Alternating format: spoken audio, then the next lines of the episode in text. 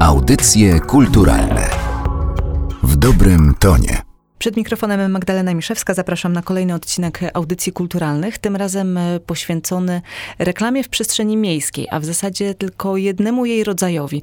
Zazwyczaj przychodzą nam do głowy te wielkie płachty, które zasłaniają budynki i zasłaniają okna, albo jakieś ogromne billboardy, o tych mówi się najczęściej, ale najwięcej jest y, chyba tych reklam zupełnie innych, takich bardzo podstawowych, które musi mieć każdy biznes, y, czyli po prostu szyld, który poza informowaniem o tym, co się w danym miejscu znajduje, to też reklamuje usługi E, lub też towary, które można tam zakupić. I będę o tym e, rozmawiać z Natalią Kaczor ze Stowarzyszenia Traffic Design. Cześć. Cześć. Bo to, że szyld jakiś musi być, to chyba tutaj nie ma o co się sprzeczać. Trzeba poinformować potencjalnych klientów, że e, tutaj właśnie jest siedziba firmy. Ale jak sprawić, żeby to był dobry szyld? Bo Traffic Design zajmuje się między innymi tym właśnie, żeby jakoś opanować ten chaos, który niepozorne zdaje się szyldy wprowadza wprowadzają na ulicę, bo występują w tylu formach i w tylu rodzajach, że czasem trudno się w tym wszystkim połapać. Więc co zrobić, żeby było dobrze? Jaki ten szyld powinien być, żeby był dobry? E, no przede wszystkim jeśli chodzi o szyldy, które znajdują się w zasięgu wzroku przechodniów, czyli taki szyld indywidualny, to teoretycznie mogą go mieć tylko przedsiębiorcy, którzy mają swoje lokale w parterze z witryną i wejściem od strony ulicy. Dobre praktyki nakazują, żeby to był jeden szyld. W przypadku lokali, które są narożne, mogą to być dwa szyldy. Staramy się nie powtarzać informacji, czyli e, o zakładzie fryzjerskim piszemy raz, że jest to fryzjer, a nie kilka razy i szyld powinien być dopasowany do architektury. To architektura jest e, tłem dla szyldu, ale też e, wszystkim tak naprawdę, co determinuje to, jak ten szyld będzie wyglądał, gdzie go można umieścić, gdzie architekt przewidział w ogóle miejsce na szyld. Trzeba wziąć pod uwagę to, jak wygląda ulica, jaką ma szerokość, czy jest bardzo wąska i wtedy na przykład lepiej powiesić semafor, czyli szyld e, równoległy, czy jest szeroka i szyld prostopadły, taki klasyczny, będzie dobrze widoczny dla przechodniów to, jakiej wielkości jest szyld, jaka jest kolorystyka, z jakich materiałów jest wykonany, w jakiej technologii.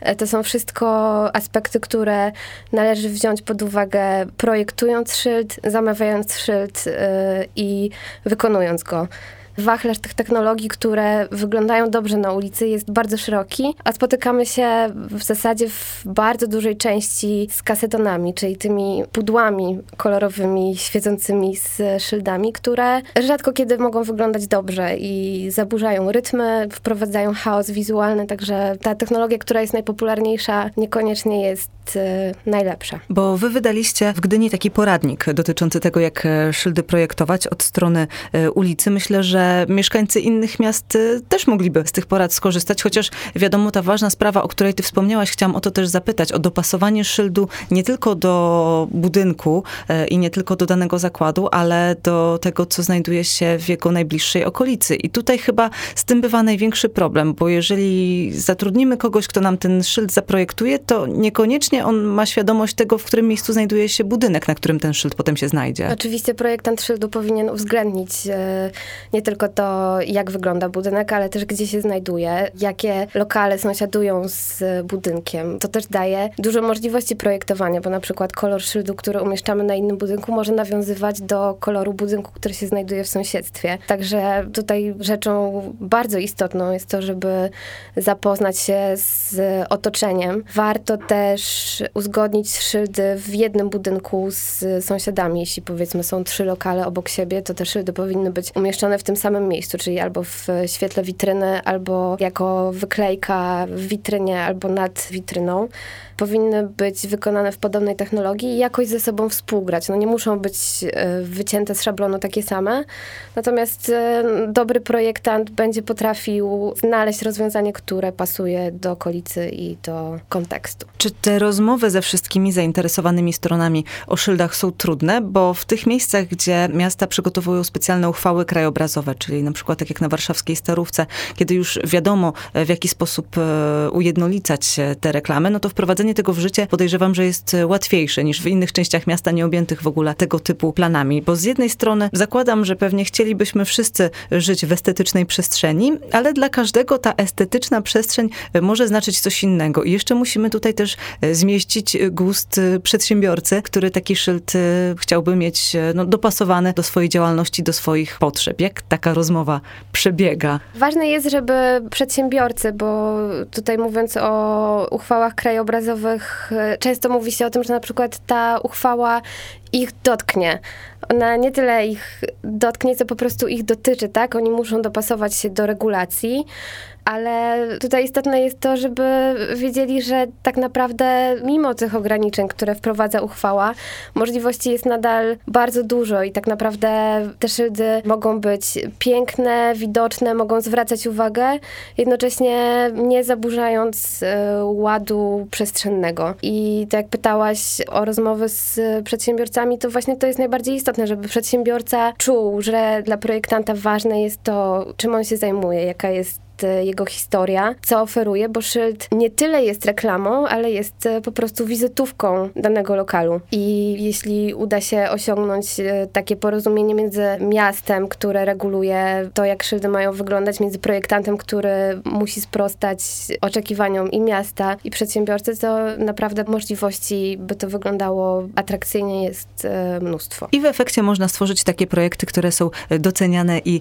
nagradzane. Jednym z nich są odnowione odnowione szyldy e, na warszawskiej Pradze. To już e, druga edycja tego waszego projektu. Tym razem przy ulicy Siennickiej, Skaryszewskiej, e, Grochowskiej i Kobielskiej można zobaczyć te odnowione szyldy. Zastanawiałam się, jak to wyglądało od tej strony organizacyjnej, jak byli wybrani ci przedsiębiorcy. Czy oni już od razu byli tymi, którzy chcą mieć nowy szyld, bo wiedzieli, że z tym, który mają, coś jest nie tak? Ten proces e, zaczął się od tego, że miasto wskazało obręb, w którym projekt ma być realizowany i naszym zadaniem było było do tej odsłony redesignu znaleźć przedsiębiorców, którzy prowadzą swoją działalność w lokalu należącym do miasta ale też e, znaleźć takich, którzy no, po pierwsze będą chcieli wziąć udział w tym projekcie i będą też w jakiś sposób e, ciekawymi przedstawicielami przedsiębiorców e, z warszawskiej Pragi. Udało się nam nawiązać współpracę z bardzo ciekawymi ludźmi. Zresztą w ramach tej pracy powstał taki film o warszawskich rzemieślnikach, o pani, która naprawia parasole. To mój krawcach. faworyt wśród szyldów z tej edycji. Tak, autorką jest e, graficzka Martiszu.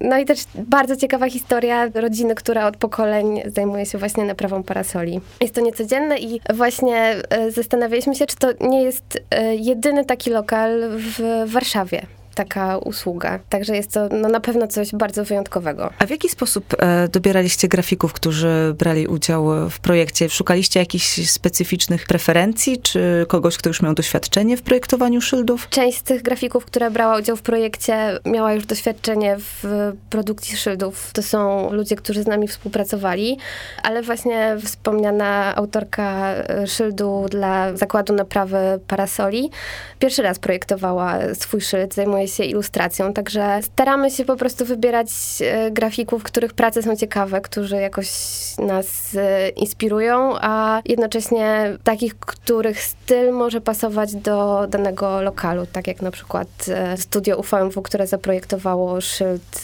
Kobeksu, czyli naprawy elektroniki. Te wszystkie zdjęcia sprzed i po odnowie szyldu można zobaczyć na stronie internetowej Traffic Design i link do tej strony będzie w opisie odcinka, także zachęcam, żebyście zajrzeli i zobaczyli zobaczyli na własne oczy. Najlepiej to po prostu pojechać na Pragę e, i sprawdzić, e, jak te szyldy się e, komponują z resztą ulicy, bo to, co rzuca się w oczy jako pierwsze, to to, że w większości przypadków szyld został zminimalizowany.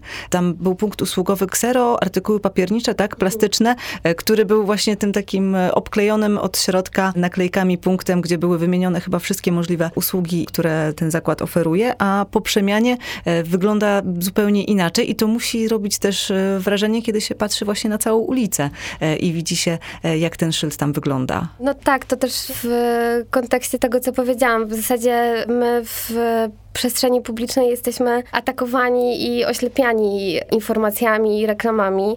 I takie zmniejszenie szyldu, czy zmniejszenie ilości tej informacji paradoksalnie przykuwa uwagę, bo coś jest inne niż e, wszystko dookoła.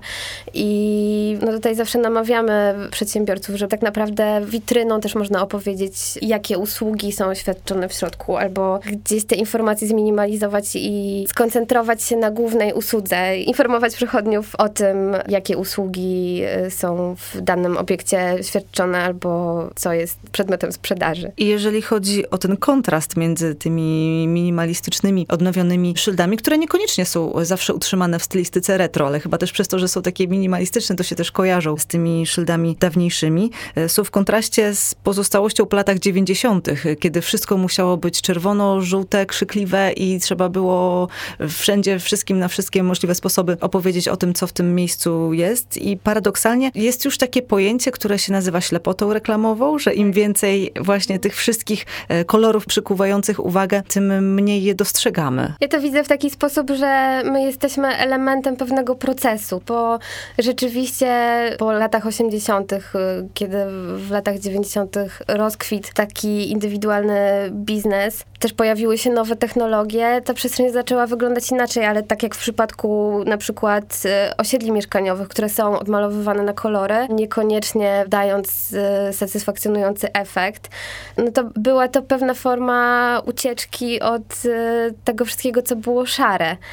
A my też chcemy pokazać, że niekoniecznie musi być szare albo białe, ale może być stonowane i tak się wyróżniać i wyglądać e, pięknie, tak? I wydaje mi się, że ten proces przebiega na wielu płaszczyznach, jeśli chodzi o przestrzeń publiczną. To jest e, jakieś takie stopniowe usuwanie reklam, no i gdzieś być może jeszcze przy pomocy uchwał krajobrazowych e, ta przestrzeń publiczna będzie się zmieniała, bo mamy też takie doświadczenie, że zgłaszają się do nas przedsiębiorcy, którzy na przykład szukają porady, jak zaprojektować szyld albo jaki szyld wybrać do ich lokalu i chcą też, żeby ich działalność miała godną wizytówkę. A czy jest coś takiego jak historia polskiego szyldziarstwa?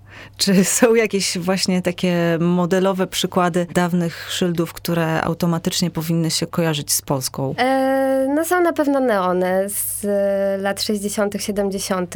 Też zetknęliśmy się z taką publikacją autorstwa Jana Wojeńskiego o reklamie w przestrzeni publicznej. Ona chyba została wydana w latach 50., 60., nie pamiętam teraz dokładnie, natomiast było to na tyle dawno temu, że i środki, i technologie nie pozwalały na to, żeby te reklamy były bardzo, bardzo krzykliwe, więc Wojeński zachęca do tego, że właśnie szyld musi być widoczny i reklama musi zwracać uwagę. Jakby my się z tym zgadzamy. Natomiast e, w dzisiejszych czasach natłok tego i jakby dostępność technologii drukarskiej, która pozwala na wydrukowanie wielkiego baneru, tutaj tę sytuację trochę zmienia. Natomiast e, szyldy, jakie się projektowało kiedyś, e, kroje, które się stosowało, na pewno są inspiracją dzisiaj. Charakterystyczne semafory na na przykład przykład właśnie warszawskiej starówce kute w metalu. No jest na pewno wiele takich przykładów, które są na pewno dziś inspiracją i z których można czerpać, projektując coś zupełnie nowego. I ważna sprawa, nie wspomniałyśmy o tym, a to przecież jest e, dla szyldu rzecz bardzo istotna, e, liternictwo. E, mhm. tutaj trzeba na pewno zadbać o to, żeby i dobrze to wyglądało i dobrze się czytało i to jeszcze najlepiej z odległości, skoro chcemy zachęcać potencjalnego klienta, żeby podszedł bliżej, to musi najpierw to wszystko zobaczyć. I tutaj też e, te lata 90. powracają, bo wtedy pojawiło się typo polo. Tak, typo polo to jest termin, który powstał później. Natomiast tutaj pewnie jakąś część e, typo polo zawdzięczamy takiemu dostępowi różnych krojów pisma z pakietów e, komputerowych i tutaj takim chyba flagowym przykładem jest Comic Sans. z jakiegoś powodu bardzo popularny w pewnym momencie. No, dziś już uznawany za nie do końca atrakcyjny, ale w zasadzie i typo polo i tak jak już mówiłam o blokach, tak zwana pasteloza, to są jakieś elementy tej historii naszej przestrzeni publicznej, które no też warto w jakiś sposób zapamiętać. Myślę, że za kilka lat, czy za jakiś czas to będzie właśnie taka ciekawostka. Coś, co może niekoniecznie warto powtarzać w takim natłoku, ale gdzieś nawet e, była wystawa, tak? E, tak, właśnie Typo chciałam wspomnieć. Wydaje mi się, że to właśnie Jacobo zauważył i opisał to zjawisko.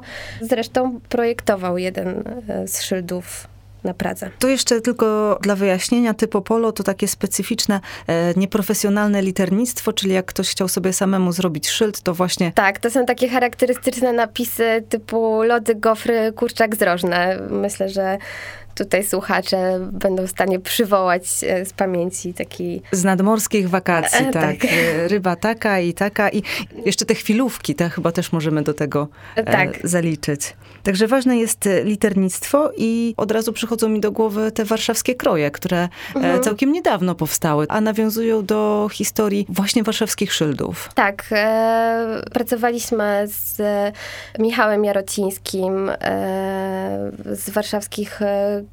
krojów i szyld zegarmistrza w pierwszej edycji projektu na Pradze został złożony krojem Bonanowa, stworzony na podstawie Bony autorstwa e, Andrzeja Heydricha, czyli autora e, polskich banknotów. Czy ty masz e, jakiś szyld, który szczególnie ci się podoba? Niekoniecznie musi być z tego projektu warszawskiego, bo działacie też w Gdyni, też w innych miastach w Polsce. Być może jakiś jest taki specjalny z jakiegoś powodu, bardzo ci się podoba. Moją ulubioną realizacją jest Bar Mleczny Słoneczny autorstwa Syfon Studio, czyli Filipa i Uli Tofil. To jest Y, neon, który został zrealizowany dla baru mlecznego w Gdyni, bardzo popularnego w y, centrum miasta. I z jednej strony jest tutaj ogromna różnica tego, jak ten lokal wyglądał wcześniej, jak wygląda teraz, a z drugiej strony współpraca z właścicielką, która też prowadzi ten bar po swojej mamie, czyli ta historia rodziny, która tak naprawdę ten bar prowadzi, to jak wiele osób e, tam jada. No jest e, bardzo ciekawa. Tam e, powstał neon, powstała wyklejka w witrynie, taka bardzo delikatna i ażurowa i napis bar mleczny stworzony z takich elementów zamykających jakieś metalowe konstrukcje pomalowanych proszkowo na biało. Wygląda, może uda się nam umieścić jakiś link pod... Tak, to tak zrobimy, żeby można było sobie spojrzeć i wiedzieć, o czym mówimy. Dziękuję bardzo. Audycje kulturalne w dobrym tonie.